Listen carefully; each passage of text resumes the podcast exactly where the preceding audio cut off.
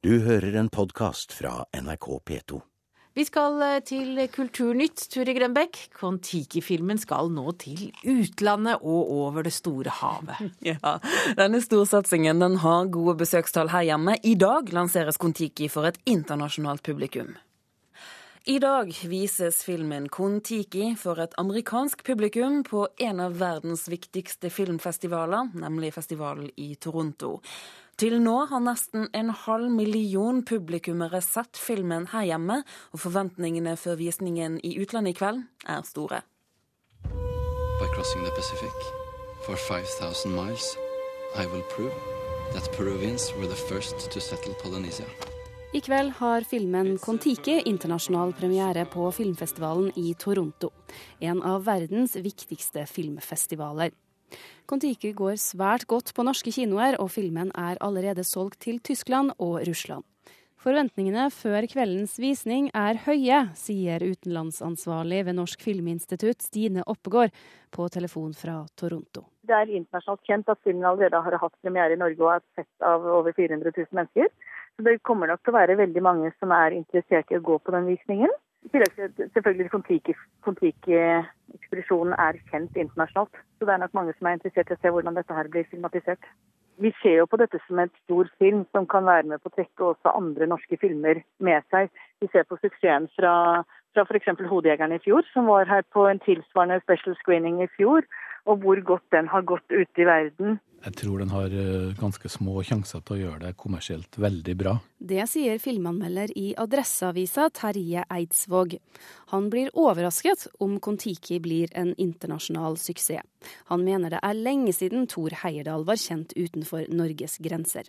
Men filmen i seg, i seg selv eh, er nok verken god eller spektakulær nok, vil jeg mene, til at den, til at den eh, når helt frem i det internasjonale sjiktet av, av, type eventyrfilmer. Og, og, til den kjernegruppa som, eh, som, går mest på kino eh, verden over, så, så tror jeg nok ikke Thor Herdal er noe særlig kjent i det hele tatt, egentlig. Eh, krim, thrillere, skrekk er nok lettere å nå et stort internasjonalt eh, filmpublikum med, så jeg vil bli veldig overraska hvis den gjør det bedre enn f.eks. 'Hodejegerne'.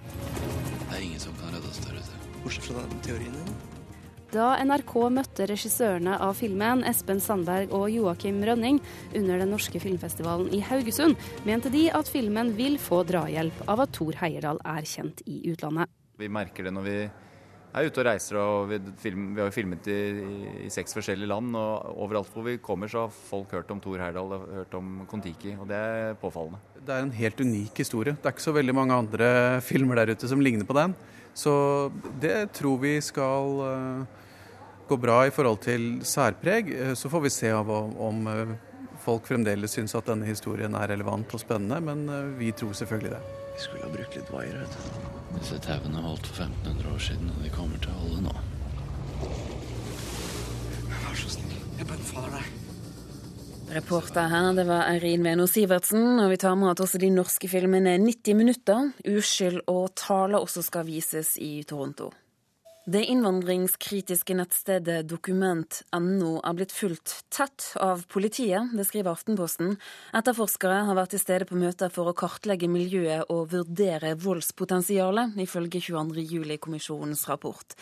Det er svært alvorlig at politiet i det skjulte overvåker et lovlig møte. Det mener redaktør Hans Rustad. Han sier til Aftenposten at det minner om et ekko fra gamle dager, da politiet overvåket venstresiden.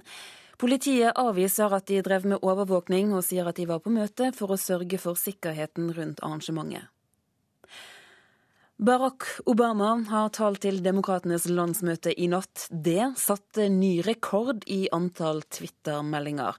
Ifølge nettstedet så ble det sendt ut over 52 000 meldinger i minuttet om talen mens talen pågikk. De amerikanske presidentkandidatene satser stort på sosiale medier i årets valgkamp for å nå velgerne. Kunstneren Tommy Olsson har lenge vært en av høstutstillingens skarpeste kritikere. Han har slaktet utstillingen en rekke ganger og ment at hele greien burde legges ned. Men eh, noe har skjedd, for i år så stiller nemlig Olsson selv ut på høstutstillingen. Ifølge Olsson så kan det være en grunn til å gi utstillingen, ros akkurat i år, selv om han egentlig mener at den burde avgått ved døden. Det er et kadaver som kunstverden sleper på. Det, allting blir bedre uten den, jeg lover. Kritikken av høstutstillingen var knallhard fra Morgenbladets kritiker Tommy Olsson for fem år siden. En karakteristikk han har holdt fast ved i en årrekke. I år er han derimot invitert til å delta. Han innrømmer at det går på tvers av prinsippene. Nei, det er ren, ren forvirringstaktikk fra min side. Invitasjonen av Tommy Olsson er ikke et forsøk på å kjøpe seg fri fra dårlig omtale, understreker juryleder Stefan Schrøder. Tommy Olsson er først og fremst en fantastisk kunstner. da. Vi visste at Tommy hadde et spesielt forhold til høstestillingen. Det var et forsøk å få han inn i utstillingen og på en måte kritisere utstillingen fra innsiden med et kunstverk, kan man si. Det viser i det minste at juryen har tenkt. Juryen har i år valgt ut 91 kunstnere av en flora på mer enn 2400. Noen av utvelgelsene får Tommy Olsson til å vurdere om han skal revurdere gamle holdninger. Han ser flere uventede verk på årets utstilling. Et av dem er hans eget. Men det er særlig uventet at Odd Nerdrum er tilbake etter 14 år. Han er også overrasket over å se rettstegningene Sverre Malling har laget av Anders Behring Breivik. De komponentene her viser jo tegn til at det faktisk er at det finnes intelligent liv på Kunstnernes hus. Juryen mener det var nødvendig å la 22.07 gjenspeile seg i årets utstilling. Schrøder sier de tar høyde for at publikum kan få ulike reaksjoner av kunsten. Vi vil uh, i resepsjonen varsle uh, folk at uh, en del verk kan medføre reaksjoner eller kan berøre folk. Høstutstillingen har ikke avgått ved døden, slik Tommy Olsson har ønsket tidligere. I år er det tvert imot jubileum, og utstillingsleder Ingrid Lystad mener det er en vital 125-åring. Et jubileumsmål er å nå ut til et nytt publikum. Og Derfor har vi et samarbeid med Rom for kunst, og viser en satellittutstilling nede på Oslo S. Så har vi faktisk eh, skannet alle katalogene fra 1882 til i dag. Sånn at hvis man vil, så kan man gå på nettet og sjekke kunstnere som har deltatt. Og for det tredje så ville vi gjerne se hva forskjellige andre eh, faggrupper hvordan de opplever billedkunst. Og derfor har vi invitert spesialister fra hjerneforsker, eh, psykiater, filosof og naturligvis kunsthistoriker eh, for å skrive i vår katalog. Og reporter på Kunstnernes hus, det var Thomas Alverstein Ove. Mona Palle Bjerke, du er kunstkritiker her i Kulturnytt. Og du har sett årets høstutstilling. Hva er det vi får se? Ja, Det er jo som vanlig en mangfoldig opplevelse med malerier, fotografier, det er skulpturer, det er installasjoner. Det skal bli et innslag av performance, og det er også en avdeling, sånn som tidligere, med film. Er det noe spesielt ved det som stilles ut i år som du har lyst til å trekke frem? Ja, et verk som virkelig grep meg, det var Ellen Ugelstads filmatiske portrett av sin psykotiske bror. Og det er da i denne filmavdelingen, og det er en Jeg ble, var litt skeptisk da jeg satte meg ned. Jeg tenkte dette kunne være noe litt sånn Karl Ove Knausgård-aktig kompromissløs utlevering av slektninger. Og tenk, hva gikk til det med skepsis, men måtte altså spise i meg min egen skepsis. For dette var et så flott portrett. Det var gjort med en sånn sensitivitet, og hun går veldig nært på inviterer oss inn, men uten å utlevere han, så han har helt klart sin verdighet eh, i behold. Hun skildrer på en veldig flott måte angsten og maktesløsheten, og også ikke minst den opplevelsen han, eh, denne broren, eh, Torstein, har av å føle seg innestengt. Ikke bare på dikemark eller innenfor et tvangsmedisineringsregime, men også i sin egen låste sjel, som han selv uttrykker det. Er, og den filmen varer i 70 minutter, og jeg hadde absolutt ikke tenkt å se hele. Det hadde jeg rett og slett ikke tid til. Men jeg satt altså som naglet til stolen og gråt som en spiska skinn. Så dette, er, dette, var veldig gripende. Og det var også disse, en tematikk, syns jeg, knyttet til dette med søskenforholdet. Hvordan du kan utvikle en veldig dyp identifikasjon med en du rett og slett har delt en barndom med. Det er veldig veldig flott eh, skildret. Og filmen er jo ikke bare interessant og reiser en vond og viktig problemstilling, men er også meget godt eh, estetisk gjennomført.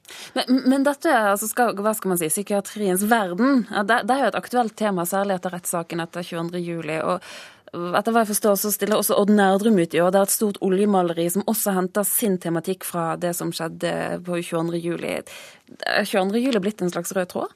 Altså, Visstnok så har de da helt bevisst gjort dette til ikke et, et, tema. Det var veldig mange innsendte arbeider, eh, ble det meg fortalt, som rett og slett relaterte seg til 22. juli, men de har valgt å ta bort veldig mye av det, og det kan nok handle om at det er så vanskelig å problematisere et sånt nasjonalt traume at mye av det kanskje ikke har holdt mål, men dette er jo da en spekulasjon fra min side. Men veld, en veldig viktig verksgruppe vil jeg nesten si, er jo med, og det er Sverre Mallings rettstegninger fra rettssaken. Eh, tegninger rett og slett av massemorderen selv. Og dette er jo, eh, som daglig leser av Klassekampen, så har jo jeg allerede kjennskap til disse tegningene, og, men det var veldig veldig sterkt å se dem i original. De er virkelig så uhyggelig gode. Han tegner jo med en sånn litt hårete strek, for de som har sett dem i Klassekampen, og det slår liksom et gufs ut av disse tegningene både fanatismen har han klart å fange, denne enorme kynismen, men også den dype ensomheten som preger dette mennesket. Da. Så det er jo kanskje også Jeg syns jo dette er en mer spennende respons da, til 22.07. enn egentlig Nerdrums-bildet, som ikke er et høydepunkt i hans eh, karriere, og heller ikke i utstillingen. Summa summarum, da. Vil du si at eh, det høstutstillingen i år er en god utstilling?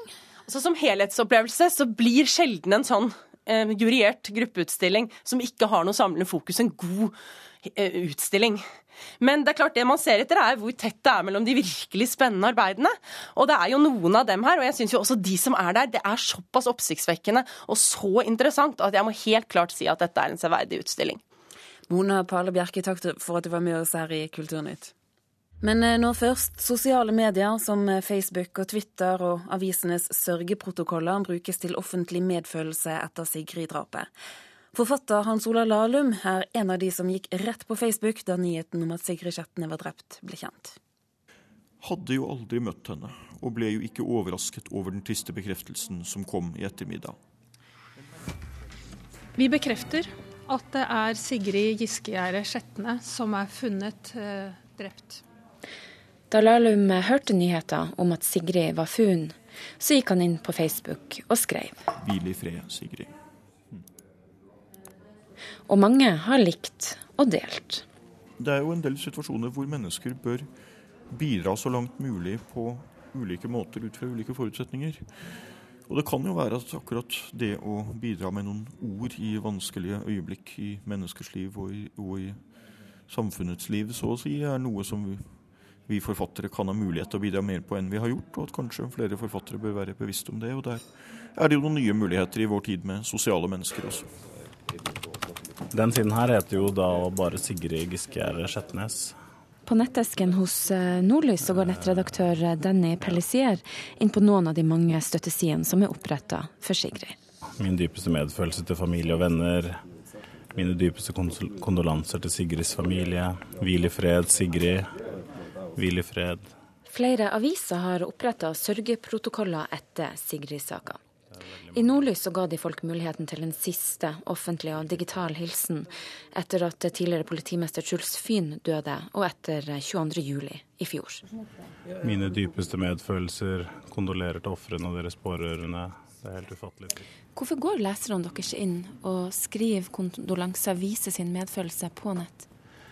Jeg tror det er fordi at mediene har eh, Vi har en annen rolle enn tidligere. Altså Før så var de som uh, brukte oss, de var på en måte passive mottakere. Mens nå er det altså Nå vil folk være med. Altså Folk vil være aktive. Og det er jo noe vi ønsker også. Altså at vi har aktive, aktive lesere som vi kan, kan samhandle med. Altså Jeg tror at når vi nå opplever en sånn hendelse som Sigrids forsvinning, så gjør det inntrykk på oss, helt reelt inntrykk på de aller fleste av oss. Willy Tore Mørk er psykolog ved Universitetet i Tromsø. Og Vi greier å sette oss inn i dette. Vi er empatiske mennesker, de aller fleste av oss. Når vi nå har fått en kanal hvor det er akseptert å gi uttrykk for følelser, så tror jeg at flere og flere gjør det. Er dette en reell medfølelse? Ja, det tror jeg det er. Nå kan man kanskje si at det er en viss sånn eh, suggesjon, massesuggesjon i det, hvor man ser at flere og flere henger seg på osv. Og så vil også jeg da f.eks. også gi uttrykk for mine følelser, så det er en, dra-effekt i det. Men jeg tror faktisk at alle som går til det skritt å uttrykke sin medfølelse, faktisk mener det. Lahlum mener at 22.07 eh, også endrer hvordan vi viser sorg og medfølelse. Men vi har jo sett en slags kollektiv sorg i Norge i forbindelse først med 22.07. og så med dette. Eh, og det er veldig mye positivt ved det, og vi får håpe at det er en viktig støtte for eh, de nærmest berørte og familien og andre etterlatte i den situasjonen man står i etter en sånn tragedie. Reporteren, det var Karoline Rugeldal. Et eh, essay om terrorhandlingene den 22. juli har vakt en stor forfatterstrid i Frankrike. 'Norge fortjente Breivik', skrev den anerkjente forfatteren Richard Millet i en 20-siders pamflett forrige uke. Denne teksten har opprørt mange, og nå er det nobelprisvinneren fra 2008, Le Cléziot, som går til frontalangrep på sin franske kollega. Vi skal til vår reporter, reporter Johan Tolgert i Paris. Hva skriver nobelprisvinneren? Nobelpristagaren Le Clésio säger i en mycket uppmärksammad attack som publicerades i den politiska veckotidningen Le Nouvel Obs igår. Vem kan tjäna på Richard Millet som kan säga att Breivik är utan tvivel vad Norge förtjänar? Är Millet i händerna på en ond ond eftersom han skriver en så avskyvärd text? Luclésio menar också att Millets ord är grundade i lögner och rädsla. Nobelpristagaren säger även att frågan gällande ett multikulturellt samhälle som blivit en obsession hos vissa politiker och några så kallade filosofer är en fråga som redan är ogiltig eftersom vi lever i en värld med spännande möten, blandinger og der det alltid er viktig å ifrågasette. Men, men altså, vekker det spesiell oppsikt at det er en størrelse som Le Clésior som nå kaster seg inn i denne debatten? Ja, det är faktiskt eh, så att många eh, tycker att Luclesios kritik är intressant. Det har jag sett på olika internetsajter. Personligen så har jag träffat Luclesio två gånger och det som slår mig är att denne författare som är mycket tillbakadragen och verkar mycket ödmjuk. Han har en enorm genomslagskraft i Frankrike. Luclesio uttrycker sig givetvis på ett mycket litterärt sätt i sitt hårda fördömande av Millet. Språkligt sett så har Luclesio alltid en strävan efter fjärma, sig, fjärma litteraturen från talspråket. I många länder så är kanske nobelpristagarens språk ansett som alltför litterärt och därmed svårt att ta till sig. Men här i Frankrike så är en stor del av befolkningen vana vid ett sådant språk och de kan därför ofta ta till sig det sätt som Luclesio nu ryter till på. Men, men du, altså Utgangspunktet for det hele, eh, artikkel, hva slags konsekvenser har den fått i Frankrike? Ja, det är svårt att avgöra i dagsläget förstås. Det är fortfarande inte rumsrent att exempelvis rösta på extrema högerpartier här. Även om exempelvis politikern Marine Le Pen från Nationella fronten ofta gör sig hörd. Vissa politiker på extrema högersidan är dock utstötta ur officiella sammanhang och till och med från den franska socialistregeringens håll. Men det faktum att Richard Millet i sin pamflett uttryckte kritik mot det framväxande globala mångkulturella välfärdssamhället väckte bestörtning i Frankrike i somras. Millet är en etablerad medlem av Frankrikes kulturelit och det innebär att hans utspel kan tränga sig in i vissa människors medvetande på ett ganska omedvetet sätt. Det man räds är att hans pamflett efter något år kan komma att bli rumsrent, även om det absolut inte är det i dagsläget. Men Luclesios kritik kan dock stärka alla de som tycker att Richard Millet gått alldeles för långt. Johan Tolga, takk for at du var med oss eh, fra Paris. Vi skal eh, hjem igjen, og vi skal til, og nå må jeg sitere, Nordens eneste verdifestival mot apati og likegyldighet. For det står nemlig i årets program til Protestfestivalen. Denne festivalen i Kristiansand den starter i morgen. Den samler over 100 paneldeltakere fra hele Norge. Festivalsjef Svein Inge Olsen tror samfunnet har blitt verre siden festivalen ble arrangert for første gang i år 2000. Hallo? Han står i telefonen idet jeg møter han. Hallo?